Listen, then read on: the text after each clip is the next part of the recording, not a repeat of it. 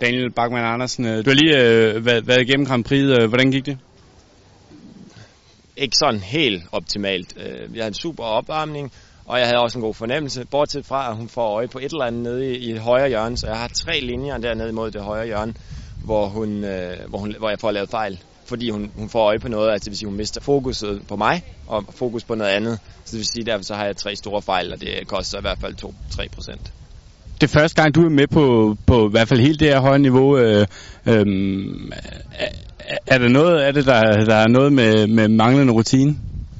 Det, det vil jeg faktisk, nej, det vil jeg ikke mene, det er, fordi at hun var faktisk bedre på fornemmelsen. Hun var bedre igennem, hun var bedre alle mine ting, som plejer at være svært, mine pirouetter plejer at være rigtig svært, det var meget bedre. Så jeg vil sige, det er ikke noget med erfaring at gøre. Jeg, jeg har reddet rimelig mange Grand Prix og sådan noget. Så og, og derinde er jo ikke anderledes end ellers. Men og hun så får øje på et eller andet, hun har ikke gået i sådan en stor kulisse før, så det kan godt være, at det er også mangel på rutine fra hestens side i sådan nogle kulisser. Og hvad får det af konsekvenser for jeres samlede øh, deltagelse i holdkonkurrencen, og her med tænker jeg også øh, på OL-kvalifikation?